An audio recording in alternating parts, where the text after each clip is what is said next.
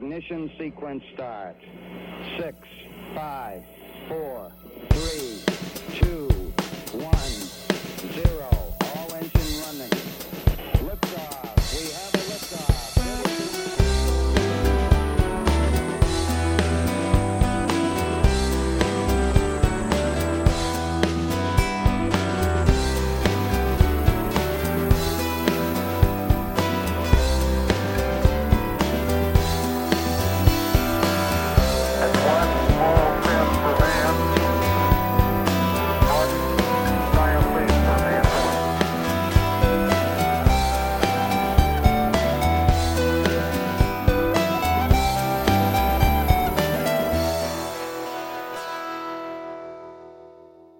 och välkomna till eh, januarinumret av Slottspodd. Jag önskar jag hade någonting väldigt roligt att säga nu, men vi har tyvärr tappat bort Emanuel.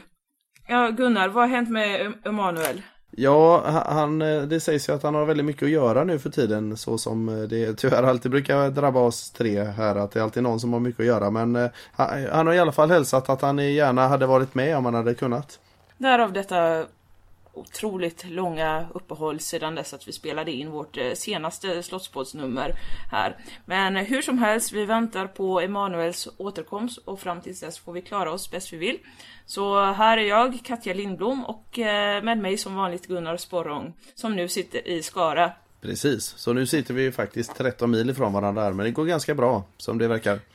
Ja, än så länge i alla fall. Så Gunnar, vad har du haft för dig sen sist? Ja, eh, jag har ju eh, numera flyttat till Skara och håller på huvudsakligen med att sälja mikroskop på dagarna men eh, astronomiskt så håller jag ju igång fortfarande. Jag kör ju lite föredrag så uppe på Mariestads astronomiska klubb och håller lite skolverksamhet där så att jag, jag gör väl ungefär samma som du gör Katja fast på annan ort. Det låter så onekligen som det. Och du då? Jag håller igång på eh, observatoriet, inte just nu när vi spelar in för att då har vi precis med några dagar stängt för säsongen. Ja just det. Eh, I övrigt så kan jag ju berätta det att jag för några veckor sedan var i Stockholm och eh, medverkade i en tv-inspelning på temat Marsresor. Se där ja. Ja, och med mig var bland annat Sven Gran som är en känd rymdingenjör. Mm. Eh, och vi kommer faktiskt tala lite om Mars idag också i det här programmet, men det kommer lite senare. Visst var det så att du har engagerat dig lite mer i klimatfrågor nu än tidigare? Jo, det är sant faktiskt. Jag har, eh, jag har väl egentligen, det utlöstes väl lite grann av att när jag kom till Skara fick jag lite grann en chock när jag inser hur lite man har koll på sånt där som miljöfrågor och klimatfrågor. Och eh, så att jag tänker faktiskt till våren att hålla en studiecirkel i, eh, i klimat och klimatologi. Dessutom så eh, har jag blivit lite mer politiskt engagerad. Det, det, är- det är väl ungefär samma bana som Emanuel gått lite grann. Han har också engagerat sig lite i miljöfrågorna här nu och, och sådär. Så, att, så det kommer bli lite klimatfrågor idag tänkte jag. Fast ur ett astronomiskt perspektiv. Men det låter alldeles utmärkt för att eh, både du och Emanuel har fokus på helt rätt ställe. Eh, klimat och rymd hör ihop. Det gör det.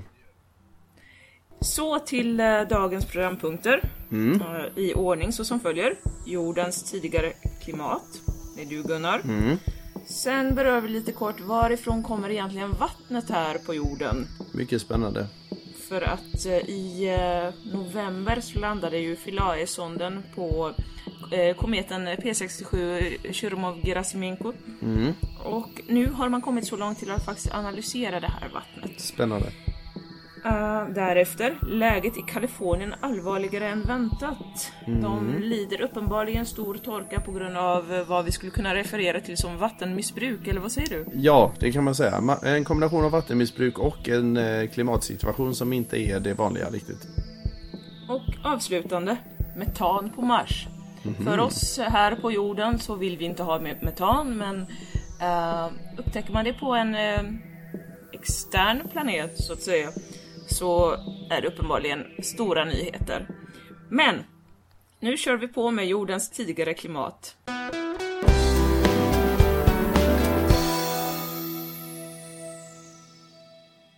Ja, det är ju så här faktiskt att eh, vi har ju gjort ett rätt spännande klimatexperiment här på jorden. Det här med att vi släpper ut så pass mycket koldioxid som vi gör och egentligen inte riktigt vet vad det kommer att ha för effekter. Men eh, nu visar sig, har man hittat eh, genom arkeologiska utgrävningar, att en liknande situation uppstod för ungefär 56 miljoner år sedan.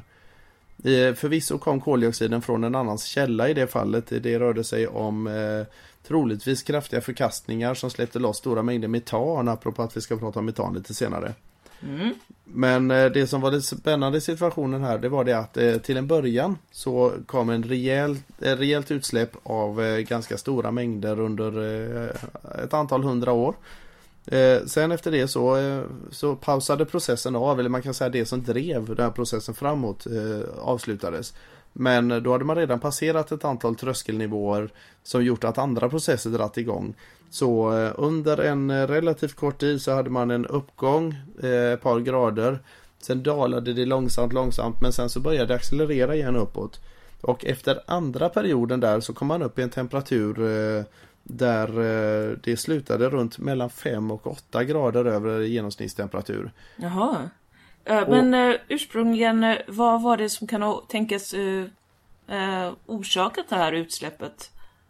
Ja, I det här fallet var det ju en naturlig förklaring så tillvida att man troligtvis eh, hade en eh, förskjutning av, eh, av stora massor på havsbotten där det funnits uppbundet metan. Vi har ju mm. samma situation idag att vi har ju massa uppbundet metan en bra bit ner i havsbotten. Ja, och eh, vid en kraftig förskjutning av, om vi säger att det blir jordskred till exempel då kan det ju utlösa att den här metanen kommer upp till ytan och eh, ytan, ytan av eh, av havsbotten då och sen långsamt sipprar upp i atmosfären där den då åstadkommer växthuseffekt.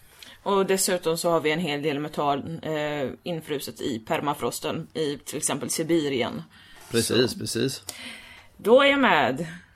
Så, så egentligen det som är intressant i sammanhanget då det var ju det att vi hade en process som utlöste det och sen så passerade man tröskeleffekter sådana som man hela tiden diskuterat nu att vi vill inte komma över två grader för tänk om vi gör det då kanske vi passerar ett antal möjliga tröskeleffekter som till exempel kan vara det att havsbotten blir varmare och det börjar sippra ut spontant.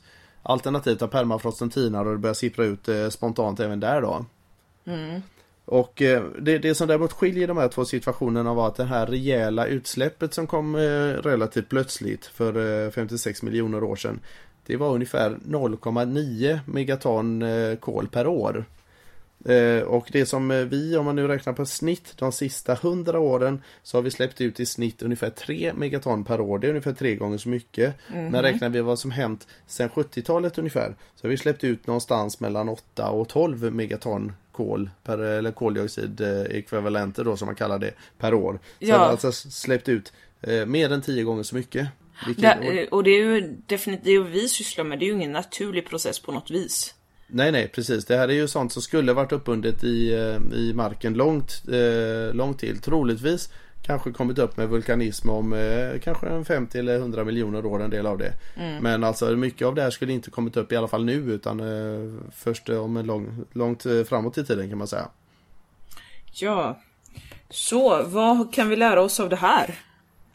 Jo, man kan ju säga det att det som händer idag eh, kan ju mycket väl ha så långtgående konsekvenser att det kanske tar 100 eller 200 000 år innan det återgår till det så att säga normala.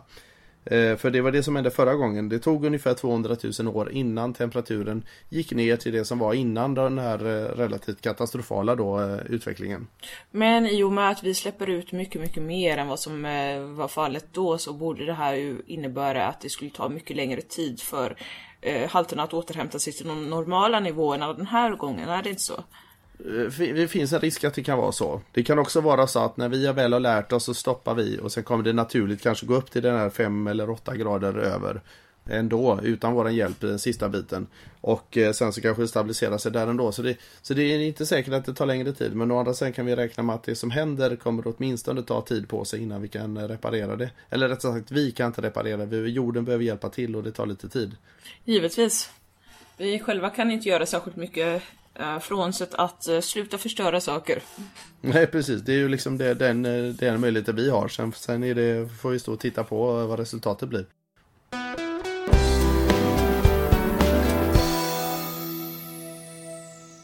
Ja, och nu kommer vi vidare till nästa fråga som faktiskt är också lite jordbunden.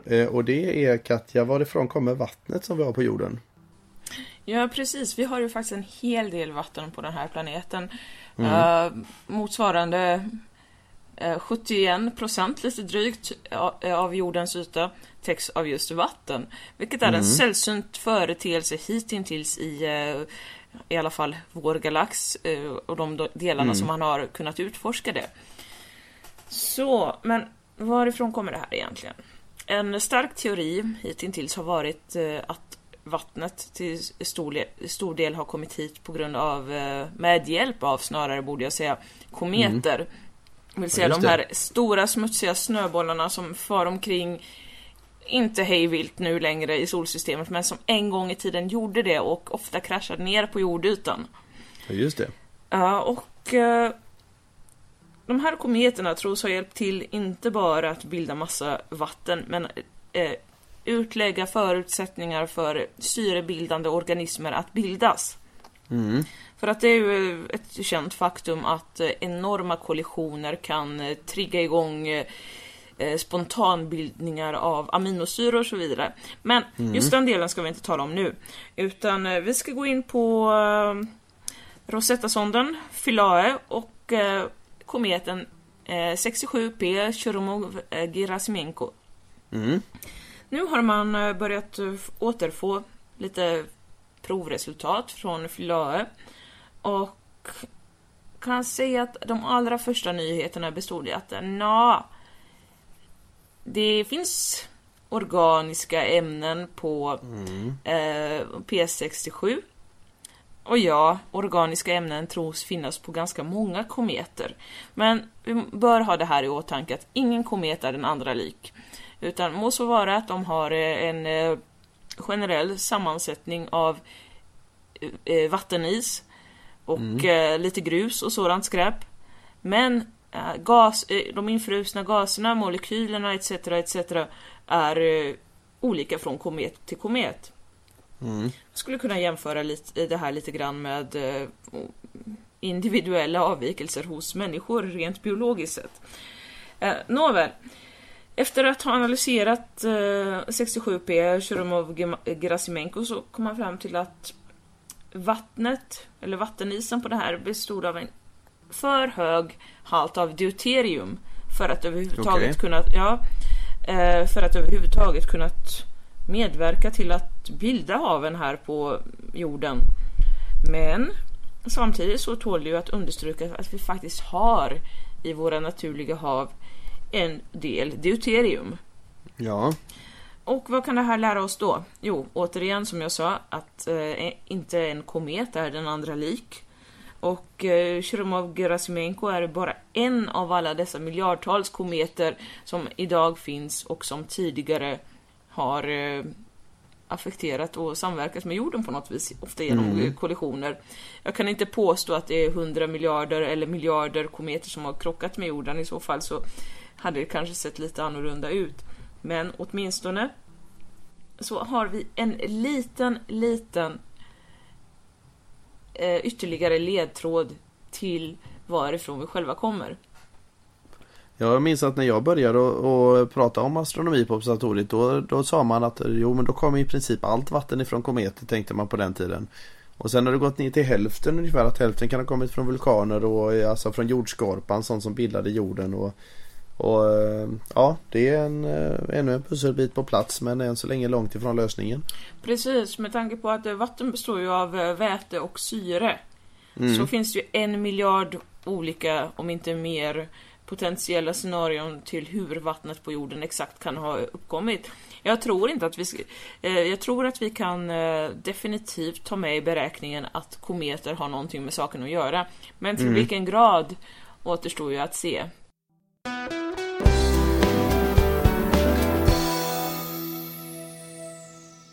Men Gunnar, om vi ändå håller på att tala om vatten, vad är det som händer här på jorden egentligen? Ja, eh, man kan väl säga som så här att eh, det som jag tänkte nämna här nu har ju lite grann med astronomi att göra förstås och eh, ganska väldigt mycket med klimatet att göra. Eh, det finns ju en sån som går i omloppsbana runt jorden som heter eh, Gravity Recovery and Climate Experiment. Eh, som förkortas lite snyggt för GRACE. Eh, den kör i omloppsbana runt jorden och bland annat så kan den eh, med hjälp av radar mäta höjdskillnader på eh, ytan och se om det händer någonting om ytan på jorden höjs upp eller sjunker ner och det kan bero på många olika orsaker. Det kan vara vulkaner, det kan vara andra fenomen. Och den andra grejen den gör är att den känner av alltså, den lokala gravitationen eh, över ytan den kör. Eller när den åker i omloppsbana så känner den hur mycket den påverkas av eh, tyngdaccelerationen gentemot jordskorpan. Det här är väldigt spännande. Skulle du kunna förklara lite närmare för våra lyssnare om hur gravitation kan variera? Ja, eh, det som man eh, kan konstatera är ju det. Dels så kan vi säga att om man åker över en himlakropp som är fast helt och hållet som till exempel eh, månen där det inte händer så mycket. Då kan det ju vara så att lokalt så finns det tyngre mineraler på ett ställe och eh, lättare mineraler på ett annat. Det kommer göra att en rymdfarkost kommer att dras lite mer mot, jord, mot månytan på ett ställe och lite mindre lite senare när den passerar ett lättare område. Och, men det kan också vara så att det faktiskt fysiskt varierar. Eh, och vad de upptäckte i Kalifornien här nu det är att de mäter upp eh, för varv för varv det går över jordytan och det är inte bara Kalifornien de mäter på. Det var bara det att det här var en av de första resultaten de publicerade nu för några veckor sedan. Eh, så konstaterade de det att när, när, man, eh, när det var så mycket torka som det varit så har inte grundvattnet fyllts på i den takt som det brukar göra. Samtidigt så använder man i Kalifornien just, eller i det området, så kopiösa mängder vatten för det till de stora städerna som man dricker och duschar och badar i och alla pooler och så här. Sen har man också pumpat upp kopiösa mängder för att eh, vattna åkrar och sånt. Man konstbevattnar odlingar. Och eh, det innebär att det vattnet tar man ju faktiskt bort ifrån bergs eller från marknivån. Så det Vad innebär det...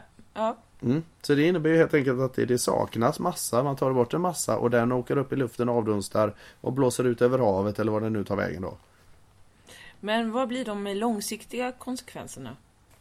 Ja, det finns ett antal konsekvenser som är eh, intressanta i sammanhanget. Dels så räknar man ju med att det skulle i princip kräva eh, lika mycket vatten som ungefär en och en halv gånger så mycket som, eh, som USAs största vattenreservoar för att kunna fylla igen det här hålet som man nu är gjort i markytan. Sen finns det faktiskt en annan konsekvens som vi hörde lite grann på en eh, en annan podcast faktiskt, en eh, amerikansk podcast. Där man nämner det att det- är inte helt omöjligt att när man tar bort så mycket vatten. Nu räknar man att det har alltså sjunkit, försvunnit eh, 70 millimeter vatten per år i tre år i rad nu. Eh, Det innebär ju i princip att det blir hål under till där vattnet har varit. Så att man räknar med att det här kan ju utlösa jordbävningar i ett område som då redan är instabilt. Ja visst, 70 mm på ytan må vara ingenting, men om man ser till eh, själva arealen av det hela så är det ju enorma mängder vatten. Ja, det är verkligen jättemycket. Så att eh, så, så man räknar med att det här är nog en av de värsta torkorna som har varit på väldigt, väldigt länge i det här området. Eh, samtidigt ska man säga det att eh, ett bekymmer till de har det är ju det faktum att om det fortsätter så här bara lite till så det är ju så att eh, snöreserven i Sierra Nevada bergskedjan som ligger en bit därifrån som alltså fyller på de här vattenreservoarerna genom smältande snö den har det visat sig också genom liknande satellitexperiment att den mängden snö som ligger där uppe är faktiskt mycket tunnare lager än vad man trodde tidigare. Berget tar vid längre upp. Det vill säga att de har inte samma reserver att ta av så att eh, fortsätter det så här ett tag till så kommer de få det besvärligt. Ja, och risken finns väl att det kommer fortsätta så där ett tag till. Vad de eh, hoppas på nu i dagsläget är väl det att man ska kunna komma åt det, eller att det blir ett sånt där El Niño fenomen. Eh, Det är ju faktiskt så att eh, det brukar alltid vara passadvindar hela tiden som blåser det varma, eh, varma vattnet, ytvattnet bort ifrån eh, amerikanska kusten och så bort emot Asien. Och med jämna mellanrum så brukar det bli lite sådär att det, där, där passadvindarna de fallerar lite granna. Vattnet rinner tillbaka och då blir det plötsligt väldigt mycket varm och fuktig luft eh, runt amerikanska västkusten. Som sen kan åstadkomma att det blir väldigt mycket regn i, i, eh, under perioder då. Och det skulle ju vara guld värt för, eh, för de här i Kalifornien. Samtidigt som samma fenomen brukar ge upphov till globala förändringar med 5 till 7-8 års mellanrum. Som gör att det, det till exempel i Sverige blir väldigt blåsigt och sådär. Eh, Jag vet inte om ni minns de här, eh, den här hösten för, eh, kan ha varit 10, 15 år sedan nu ungefär, 97 tror jag det var. Mhm, jo, det minns jag definitivt. Jag, jag tror, vad, kan det varit? Var det så tre eller fyra orkaner på, på min, eller ja, alla var väl inte orkaner men kraftiga stormar då på Och ungefär en, en och en halv månads tid. Och vi hade lite restprodukter av eh, snöstormar. Eh, se- Och lite annat smått, ja precis. Ja, precis. Och det var, det var rätt liv, livat väder. Och det, så det är klart att om Kalifornierna, Kalifornienborna får som de vill så kommer vi få det blött och blåsigt och snöigt. Så vad kan vi lära oss av det här? Ja, eh, kanske det att man, kan, man ska vara lite försiktig när man gör klimatexperiment och kanske inte göra det på en riktig planet utan testa det i datorn först innan man börjar släppa ut massa ämnen i atmosfären som vi inte vet vad vi ska göra med. Definitivt, och det här gör mig lite, lite nostalgisk i det att jag kommer ihåg att vi under ett tidigare program, Mm. kanske förra året, talade om, du talade om det här att minska växthuseffekten, vill säga eh, den globala uppvärmningen genom att släppa ut svavel i stratosfären. Ja, just det, precis. Ja, Det är också spännande klimatexperiment som man kanske inte ska göra eh, Man ska att... definitivt inte göra någonting sådant, tycker jag. Nej. Så vi kan vara överens om att hålla fingrarna borta från eh, klimatexperiment, eller hur? Jag tror det. Jag tror det.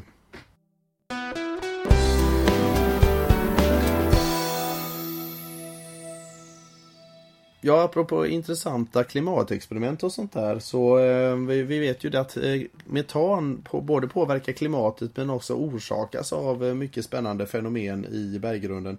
Eh, och du hade lite tankar kring eh, metan. På Mars, för att eh, vara lite mer exakt. Eh, för att Mars är, av alla planeter man hittills har upptäckt så är Mars fortfarande den mest jordlika av dem alla. Vi har ju redan konstaterat att det har funnits flytande vatten på Mars. Mars har en gång i tiden haft en eh, tjock atmosfär som tyvärr tillintetgjordes av delvis Mars är väldigt svaga gravitation och delvis eh, asteroid och kometnedslag etc. etc. som eh, bara underminerade den här atmosfären från, eh, från att stanna kvar. Första gången man lyckades landsätta någonting på Mars var 1976 med Viking 1-sonden. Mm. Och då tog de de allra första markproverna vilka indikerade på att det kan ha funnits någon form av mikroskopiskt liv där. Okej. Tyvärr så var inte de här proverna entydiga utan eh, f- förekommer vissa fluktuationer om man nu skulle kunna uttrycka sig som så. Så att de testkörde alltihopa igen i en steril miljö och kom fram till samma variationer Mhm. med resultat att man uteslöt organiskt mikro, eh, mikroskopiskt liv på Mars. Okej, ja det är lite tråkigt men sånt är livet. Mycket tråkigt. Men vad som inte framgår var huruvida det kan ha varit en del av metanemissionerna som de uppfattade då. 2004 så upptäckte sonden eh, Mars Express nämligen de första bekräftade met- eh, metanhalterna i Marsatmosfären. Just det, det kommer jag ihåg. Ja, eh, det som är lite lustigt med det är att eh, varken Mars atmosfär eller jordens atmosfär har naturliga förutsättningar för att binda sådana instabila typer av metan. I fallet med jorden så fylls det ju på hela tiden på grund av vulkanisk aktivitet, boskap som fjärtar och så vidare och så vidare och så vidare. Ja, precis, Men precis.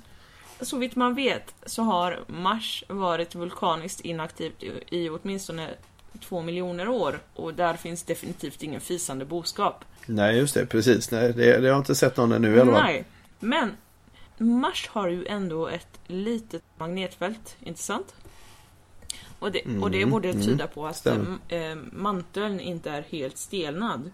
Och detta Nej. i sin tur kan innebära att den här metangasen som uppkommer från Mars eh, faktiskt kommer ifrån inre delar som inte är stelnade för att man har upptäckt att, eh, man har upptäckt att det här är årstidsbundet. För att Mars har som vi alla vet årstider precis som jorden.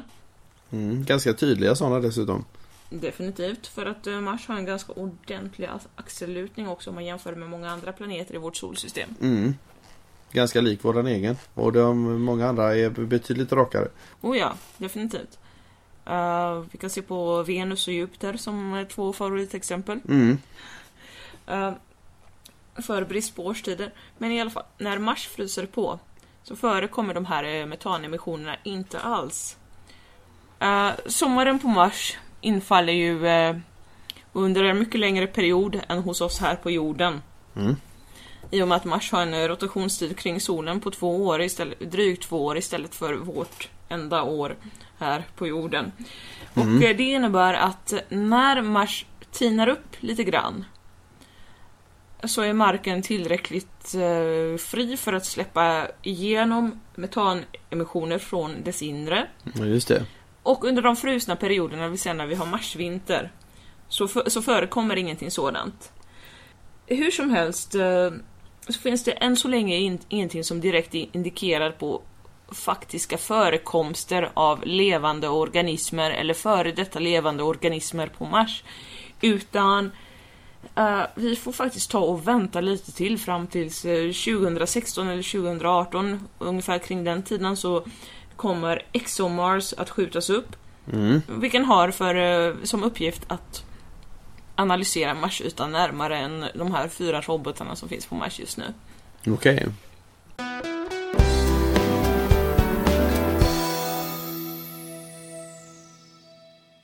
Ja, och innan vi avslutar så kan jag passa på att nämna Orion som i nuläget är världens mest kraftfulla bärraket. NASA testkörde den här eh, den 5 december i år Mm. med lyckat resultat. Jaha. Två, ja, två varv runt jorden och sen plums i Stilla havet. Och eh, den här raketen har ett primärt mål och det är att jaga upp en nära jorden asteroid, Mm. eventuellt fånga upp den och föra den i en bana kring jorden där man sedan ska studera asteroiden någorlunda. Låter inte det här väldigt, väldigt science fiction? jo, det gör ju det. Men eh, jag tror faktiskt som på fullt allvar tänker genomföra det. Ja, det vore otroligt intressant om de faktiskt kunde genomföra det. Faktum är att man ku- kunde till och med registrera boarding cards på eh, Or- Orion-testflighten. Okej. Eh, och jag vet att jag gjorde det och Mm. eh, jag tror att upp mot två miljoner andra människor gjorde det också. Det var lite speciellt att Ja. få sitt eget namn på Orion-test boarding card. Jag bara är vä- väldigt glad över att jag inte var där på den rikt- riktiga testflygningen för i så fall hade jag haft svårt att hinna tillbaka hem till observatoriet. Ja, nej, det hade jag aldrig gått. Nej, man får ju offra lite för jobbet. precis. Eh, Men så småningom är det ju tanken att Orion ska kunna föra folk till Mars. Mm, just det. Mm. Eh, NASA har ännu inga utvecklade planer på Marsresor. Eh, de har utvecklat så pass mycket att det kan vara möjligt ungefär 2030. Mm.